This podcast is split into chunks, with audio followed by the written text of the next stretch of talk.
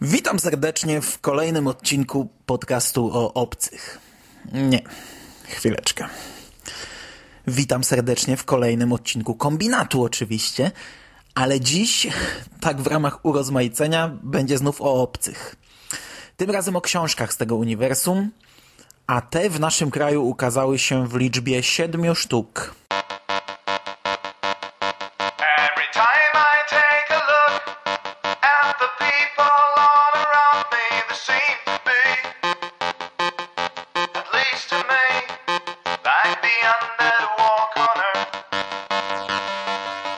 Powstały oczywiście książkowe adaptacje filmów i ja ich raczej nigdy nie przeczytam, bo nie lubię książkowych adaptacji filmów. Uważam, że biorąc pod uwagę trzy media, książka, komiks i film, wszystko można oczywiście przenosić z jednego na drugie, ale film jest tą ostateczną formą. Jeśli coś zobaczyłem już w postaci ruchomych rysunków z dźwiękiem, to nie mam ochoty potem jeszcze raz o tym czytać. Książkowe adaptacje trzech pierwszych filmów napisał Alan Dean Foster. To jest pan, który między innymi zapoczątkował książkowe, rozszerzone uniwersum Gwiezdnych Wojen. Najpierw jako ghostwriter, pisząc swoją wersję epizodu czwartego, która ostatecznie wydana została pod nazwiskiem George'a Lucasa, ale napisał też pierwszą książkę taką klasyczną z Expanded Universe, czyli Spotkanie na Mimbał. Rozbudowywał uniwersum Star Treka i wiele innych. Przenosił na karty książek sporo innych filmów science fiction, a ostatnio jego opowiadanie ukazało się w wydanej w Polsce antologii opowiadań w hołdzie Lovecraftowi Cienie spoza czasu, którą w najbliższej przyszłości planuje wziąć na warsztat. Czwartą część Obcego, Przebudzenie, napisała Anne Carol Christine, autorka o dość podobnym dorobku literackim. Kilka książek rozszerzających uniwersum Star Wars, kilka ze Star Treka, stworzyła też oryginalną serię science fiction zatytułowaną Starbridge. Podobnie jak wyżej, książki nigdy nie przeczytam, a jest to jedynie wzmianka informacyjna służąca jako wstęp do właściwej recenzji. Ja natomiast chciałbym zająć się dziś inną serią, która dla odmiany nie przenosi wydarzeń znanych nam z filmów, a rozszerza uniwersum, co jest zagraniem, które zwykle wprost uwielbiam. Steve Perry to jak wspomniana wcześniej dwójka pisarz właśnie od takiej roboty. W swoim dorobku ma sporo Konanów, których nie czytałem, Napisał kilka książek i jeden komiks z uniwersum Gwiezdnych Wojen. Jest to większy projekt Cienie Imperium, Dylogia Medstar czy Gwiazda Śmierci i dla odmiany są to książki autentycznie dobre. Z informacji, które znalazłem, dowiedziałem się, że pisywał też scenariusze do serialu Batman Animacja. Steve Perry jest też autorem trylogii o obcych i współautorem niewydanej w Polsce dylogii Alien vs Predator, i to tym pierwszym cyklem dzisiaj się zajmę, a dokładnie jego pierwszym tomem, przy czym nie obiecuję czy i kiedy powrócę do tomów kolejnych. Całą trylogię w latach 90. wypuściło u nas wydawnictwo Orion. Były to książki w sztywnych oprawach pod tytułem Mrowisko, Azyl i Wojna Samic. I dzisiaj zajmiemy się Mrowiskiem. Nie będę rozwodził się specjalnie nad stylem autora książki. Ani teraz, ani potem. To jest konkretny rodzaj literatury. Dla wielu osób ktoś taki jak Steve Perry, tworzący pod dyktando do ustalonego konspektu, w nie swoim uniwersum nie zasługuje nawet na miano pisarza. W tym przypadku zapewne jego rola jest znacznie większa niż przy książkach gwiezdnowojennych, bo nie wydaje mi się, by przy obcym był ktoś, kto odgórnie trzyma rękę na pulsie i mówi co wolno, a czego nie wolno autorowi.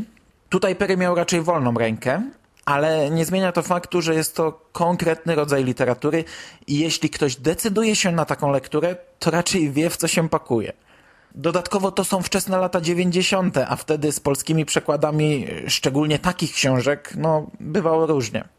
Mrowisko przedstawia nam losy dwójki głównych bohaterów, młodej dziewczyny Billy, która kilkanaście lat temu jako dziecko stała się jedyną ocalałą istotą z planety Rim, zaatakowanej przez obcych, a obecnie przebywa w zakładzie psychiatrycznym, gdzie za wszelką cenę próbują modyfikować jej pamięć, ale wydarzenia cały czas powracają w snach.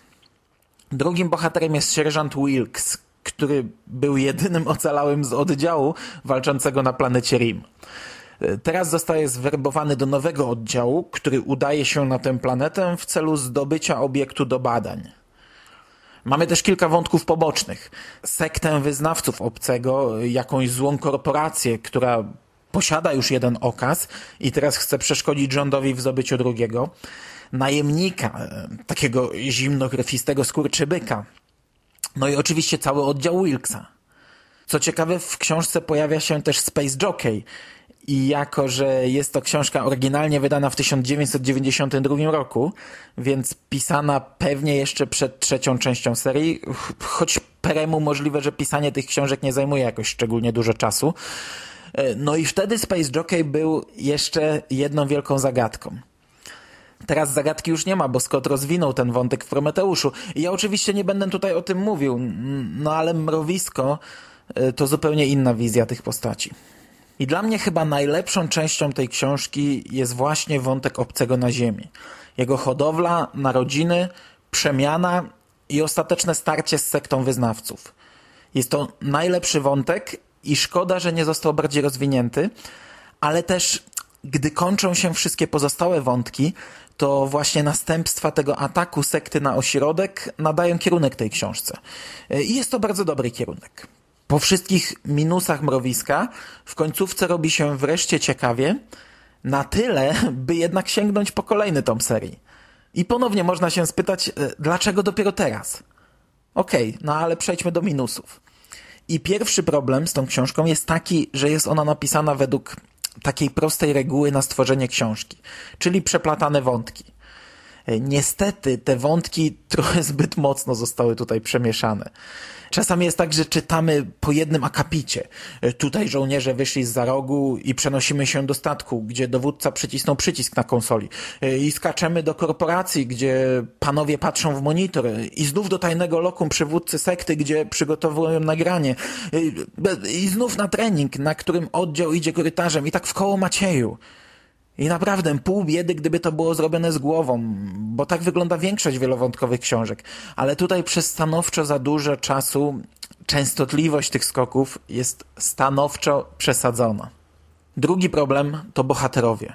No losie, Steve Perry naprawdę pisał świetne książki z uniwersum Star Wars. I może to jednak znaczy, że nie jest to pisarz, któremu powinno się zbyt mocno popuszczać smycz. Bohaterowie przez większość książki wygłaszają tylko kretyńskie teksty w stylu e, przyszła pora na śmierć, teraz już na pewno zginiemy. Lecimy tam i jest to misja samobójcza. Nigdy nie wrócimy z tej wyprawy żywi. No i tego typu bzdury. Ciągle na okrągło. Billy, czyli w zasadzie główna bohaterka książki, no to jest tak zła postać, e, że gorszą trudno sobie wyobrazić. Okay, zaczyna się wszystko fajnie, ale w pewnym momencie Perry wprowadza wątek romantyczny. E, jest to taki błyskawiczny wątek. Billy dziwi się, czemu jeden z żołnierzy tak się nią interesuje. A kapit dalej domyśla się, że ten chłopiec ją lubi. Na następnej stronie już się bzykają. Po wszystkim on mówi, że ją kocha i ona, że też, a potem zaczyna się dramat. Żołnierz leci na planetę obcych, no i od tej pory Billy staje się komicznie przerysowaną postacią. W zasadzie jej wypowiedzi i myśli ograniczają się do stwierdzeń typu e, jeśli on umrze, to nie mam już po co żyć. Lecę tam po śmierć, bo bez mojego ukochanego nic nie ma sensu. No i tego typu bzdury. Trzeci problem to ograniczenie ilości obcych do absolutnego minimum. I to nie na takiej zasadzie jak w pierwszym filmie Ridleya Scotta, bo mrowisko to strzelanka, teoretycznie bliższa drugiemu obcemu Camerona. Problem w tym, że tutaj tych obcych nie ma przez większość książki.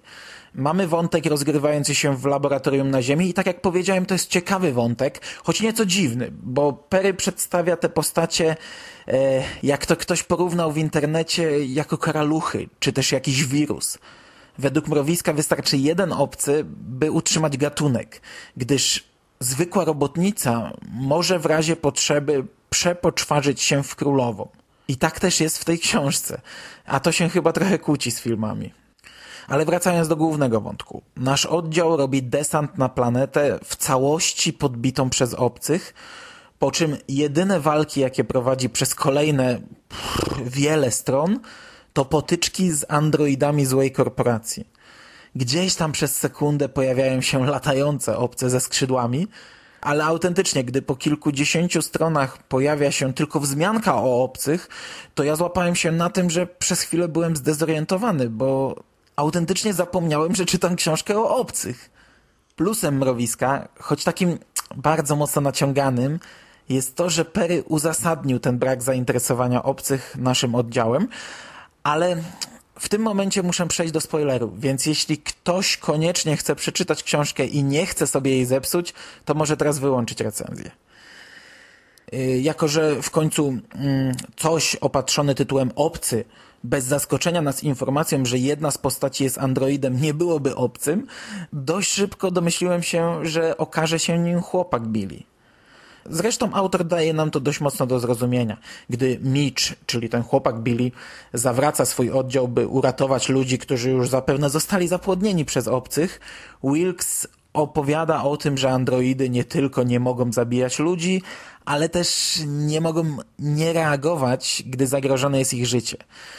Osobiście byłem jednak zaskoczony, że to nie tylko Mitch, a cały oddział okazał się oddziałem androidów.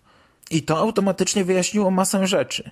Dlaczego oni urządzali sobie wycieczki po planecie opanowanej przez obcych, a ci nie byli nimi zainteresowani?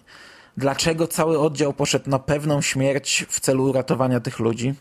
Powiedziałem jednak, że jest to plus bardzo mocno naciągany, gdyż Perry najwyraźniej koniecznie chciał zrobić finałowy twist, ale nie do końca go przemyślał. Po pierwsze, część komandosów zginęła na statku i nikt jakoś nie zauważył, że nie są to ludzie. Po drugie, Wilkes siłą rzeczy znał tę tajemnicę. Ale aby twist się udał, nie mógł się nią podzielić z Billy.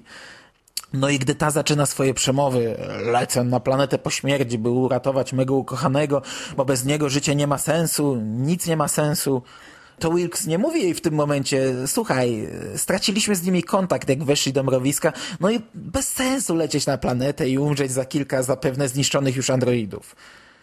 Każdy normalny człowiek pewnie w tym momencie by odleciał.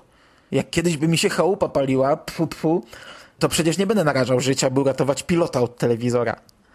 Ale nie. Wilkes też leci po śmierć i gdy wreszcie nadchodzi nasz twist, to ten mówi coś na zasadzie no, wiedziałem, że macie się ku sobie i faktycznie głupio tak, bo wiedziałem, że to Android i powinienem coś powiedzieć, ale wtedy było już za późno. No dobra, i to w skrócie na razie tyle. Jak widać, więcej jest minusów niż plusów. Czy wrócę do tej serii?